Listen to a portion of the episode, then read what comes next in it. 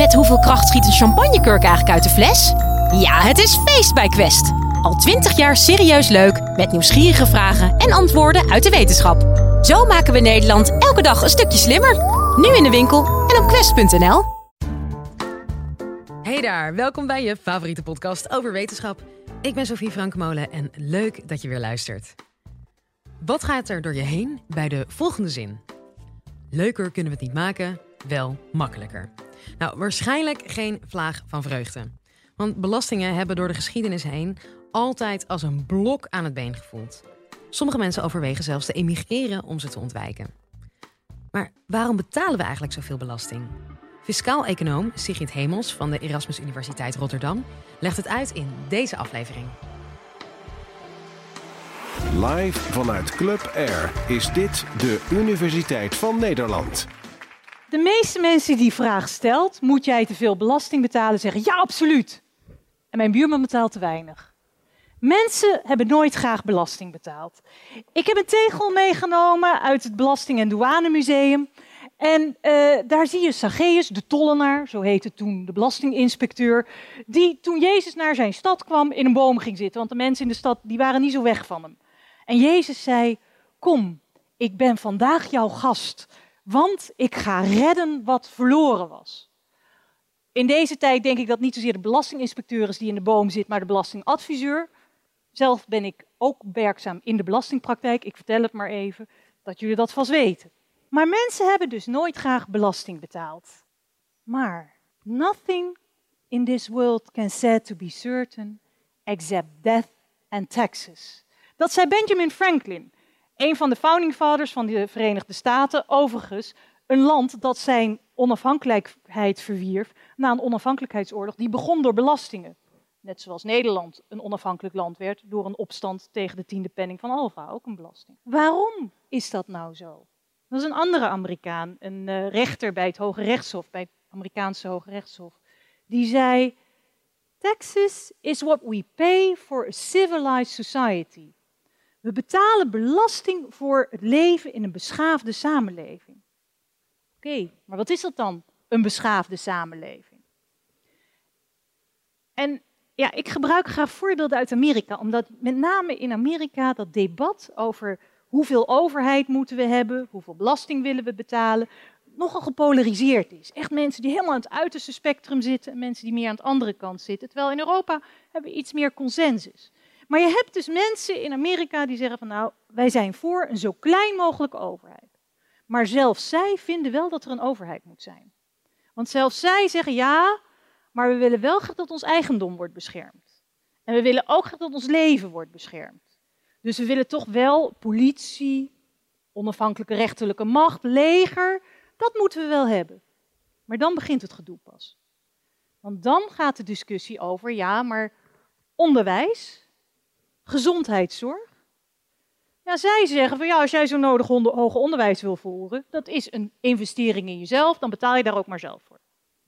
In Nederland en Europa denken we daar toch iets anders over. Vinden we het toch belangrijk dat ook mensen met een lager inkomen naar de universiteit kunnen. En hetzelfde geldt voor als jij per ongeluk in het ziekenhuis terechtkomt, dat we toch in Nederland liever niet eerst vragen van goh, maar hoeveel geld staat er op je bankrekening? Terwijl men in de Verenigde Staten zegt van ja goed, als je niet verzekerd bent, sorry, dan kunnen we je niet helpen. Je hebt ook mensen in de Verenigde Staten die zeggen belastingen, dat is diefstal. Als je daar juridisch naar kijkt, de definitie van belasting, dan zeg je ja, ja belastingen en diefstal, allebei onvrijwillig. Krijgt er geen tegenprestatie voor. Maar er is één heel belangrijk verschil. Belastingen worden geheven op grond van democratische regels. En in Nederland vinden we dat zo belangrijk dat het vast ligt in de grondwet. Belastingen kunnen slechts op basis van wet worden geheven. Dat betekent dat alleen maar als de volksvertegenwoordiging het ermee eens is, er belastingen geheven kunnen worden. Bovendien is het natuurlijk ook nog zo dat de gedachte is dat toch eigenlijk uiteindelijk iedereen wel van die belastingen profiteert. En ik zei net al, in Amerika is dit echt wel iets waar men enorm over van mening verschilt. En dus ook iets wat een absoluut verkiezingsthema is. En uh, ja, in de Verenigde Staten, als je campagne voert, dan moet je dat letterlijk tot aan de huiskamer van mensen doen. En wat we nu graag willen doen, is zo'n home video laten zien van een uh, Amerikaanse senator, Elizabeth Warren, uh, die uitlegt waarom we belasting moeten betalen. En in de Verenigde Staten wordt ze als ultralinks gezien. In Nederland zou ze ook prima, denk ik, bij de VVD thuis horen. Maar wat ik vind dat ze in deze video doet, is geen politiek bedrijven wat mij betreft, maar echt een goed verhaal vertellen waarom ook de self-made businessman belang heeft bij belastingen. There is nobody in this country who got rich on his own. Nobody. You built a factory out there, good for you, but I want to be clear. You moved your goods to market on the roads the rest of us paid for. Yep. You hired workers, the rest of us paid to educate. You uh, were safe in your factory because of police forces and fire forces that the rest of us paid for. You didn't have to worry that marauding bands would come and seize everything at your factory and hire someone to protect against this because of the work the rest of us did. Now, look, you built a factory and it turned into something terrific or a great idea. God bless. Keep a big hunk of it. But part of the underlying social contract is you take a hunk of that and pay forward for the next kid. Nobody got rich on his own. Het betalen van belastingen is onderdeel van het sociaal contract dat we met elkaar hebben gesloten. De samenleving heeft het mogelijk gemaakt dat jij rijk werd. Dan moet je ook een deel van die rijkdom met die samenleving delen. Dat is wat ze zegt. Maar ook dan hebben we meteen het volgende probleem. Want hoe verdelen we die belastinglast op een eerlijke manier onder iedereen in de samenleving? Ja, dat is in eerste instantie een politieke vraag.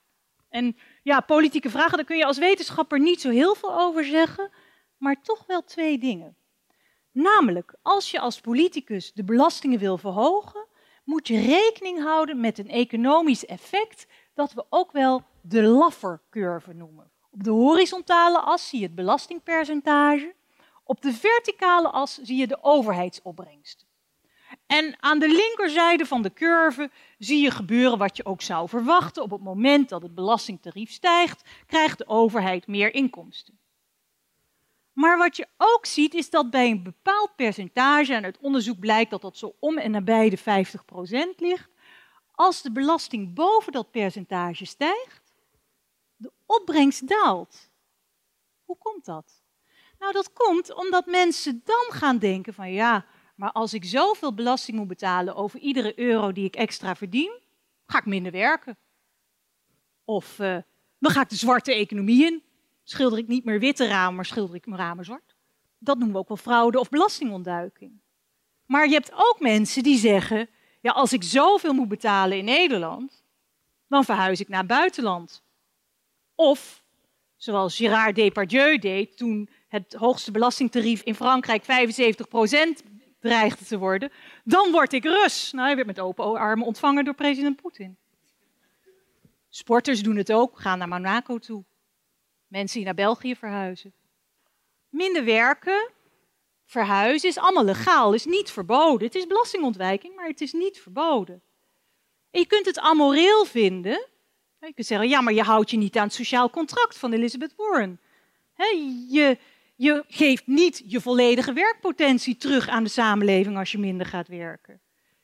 Je bent rijk geworden in onze samenleving en tegen de tijd dat je gaat cashen verhuis je. Dat is niet eerlijk. Nee, maar het maakt het effect van die laffercurve niet anders.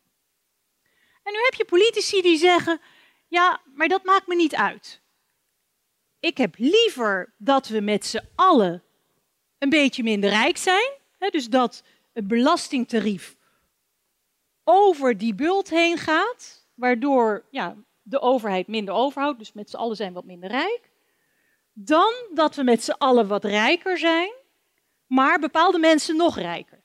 dat zou je kunnen zeggen, een soort van jaloeziebelasting. Ik vind het een onaangenaam gevoel als andere mensen veel rijker zijn, dus dan ben ik liever met z'n allen wat armer. Dat kan. Dat kun je als politicus vinden. Alleen dan moet je wel met een juridische begrenzing rekening houden.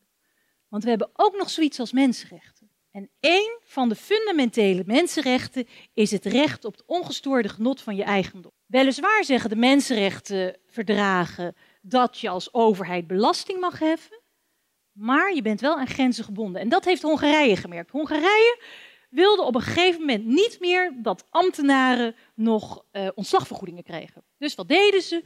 Ontslagvergoedingen boven de 7100 euro werden wegbelast tegen 98 procent. En uh, het Hongaarse grondwettelijke hof zei, ja, maar dat kan niet, dat is in strijd met onze grondwet. Oh, zei de regering, weet je wat, wij veranderen de grondwet, grondwettelijk hof, jullie mogen hier niks meer over zeggen. Dan denk je als burger misschien, ja, nu sta ik machteloos. De overheid bepaalt dit, stelt het grondwettelijk hof buikenwerking. Nee. Wat er toen gebeurde was dat zo'n ambtenaar naar het Europese Hof voor de Rechten van de Mens ging. En dat hof dat zei, dit is een excessieve individuele last. En dat is in strijd met de mensenrechten. En Hongarije moest de ambtenaar zelfs nog een schadevergoeding van 16.000 euro betalen. Dat betekent dus, we hebben geconstateerd dat we belasting betalen voor die beschaafde samenleving om te doen aan dat sociale contract. We hebben ook gezien dat er economische en juridische grenzen zijn aan de hoogte van het tarief. Maar nu concreet. Wie zorgt ervoor dat dat koffertje dat de minister van Financiën op de derde dinsdag van september naar de Tweede Kamer brengt, wie zorgt ervoor dat dat gevuld is? En ik wil toch even wat aandacht voor dit koffertje, want dit is heel bijzonder. De eerste keer dat er zo'n koffertje was, was in 1946. De oorlog was voorbij en minister van Financiën Liefdink die wilde toch een beetje cachet hebben bij het aanbieden van de miljoenennota aan de Tweede Kamer. Maar dat mocht niet te veel kosten, dat cachet. Dus een ambtenaar werd hup naar een Haagse lederwinkel gestuurd, kocht voor een paar gulden een koffertje, lettertjes erop, klaar. Het enige nadeel was dat dat koffertje natuurlijk wel na een aantal jaar versleten was, dus vandaar dat er ook steeds weer een nieuw koffertje moest komen. Wie vult dat koffertje? Wat denken jullie? Wie denkt werknemers? Wie denkt bedrijven? Uiteindelijk was dit een vraag die je niet fout kon hebben. Want laten we eens eventjes kijken naar hoe die miljoenennota gevuld wordt. Wat je dan ziet is dat de directe bijdrage vooral van werknemers komt. Loonbelasting 51,5 miljard, premies werknemersverzekeringen 57,1, premies volksverzekeringen 42,3 bijna 150 miljard van de totaal 253 miljard die er in dat koffertje zit, komt via werknemers de schatkist in.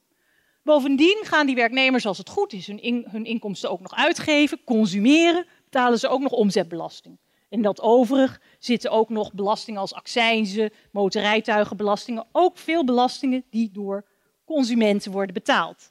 Moet ik wel even zeggen dat in de fiscale definitie van werknemer ook pensioengerechtigde en uitkeringsgerechtigde werknemers zijn. Ja, die bedrijven die zijn voor wat betreft hun directe bijdrage eigenlijk niet zo interessant. 16,1 miljard vennootschapsbelasting valt toch wel een beetje weg bij die andere belastingen. Maar hun indirecte bijdrage is veel belangrijker. Want zonder bedrijven geen werknemers. En we zagen dat juist de werknemers nodig waren om dat koffertje te vullen. En ook nog is het zo dat bedrijven de premies werknemersverzekeringen betalen. Dus zo dragen ze ook nog direct bij.